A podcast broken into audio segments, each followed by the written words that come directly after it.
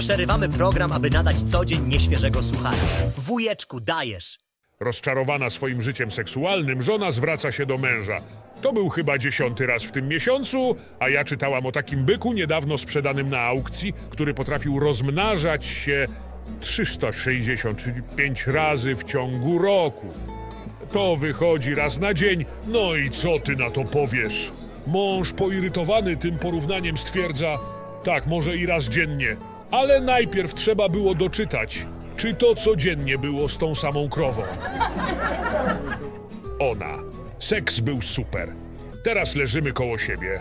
On zamyślony spogląda do góry.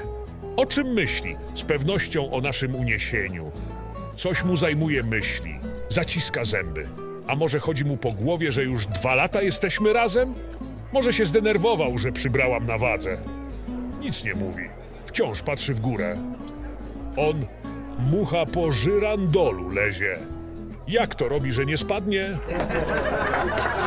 Międzynarodowy Kongres Feministek.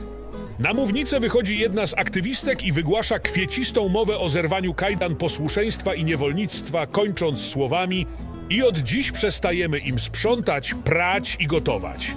Niech sami sobie radzą. Z sali wybucha burza braw, owacje na stojąco. Ustalono, że po miesiącu odbędzie się ponowny kongres w celu zweryfikowania i podzielenia się wynikami i opiniami.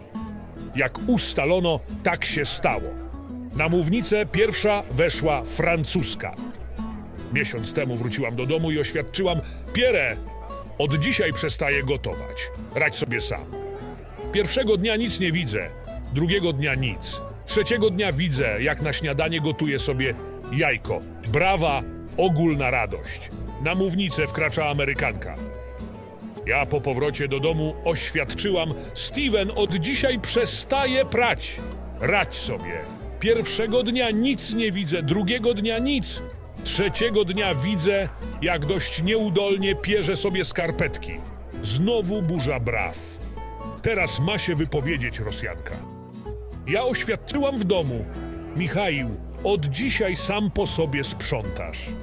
Pierwszego dnia nic nie widzę, drugiego dnia nic nie widzę, trzeciego dnia nic nie widzę, czwartego dnia zaczęłam widzieć na lewe oko.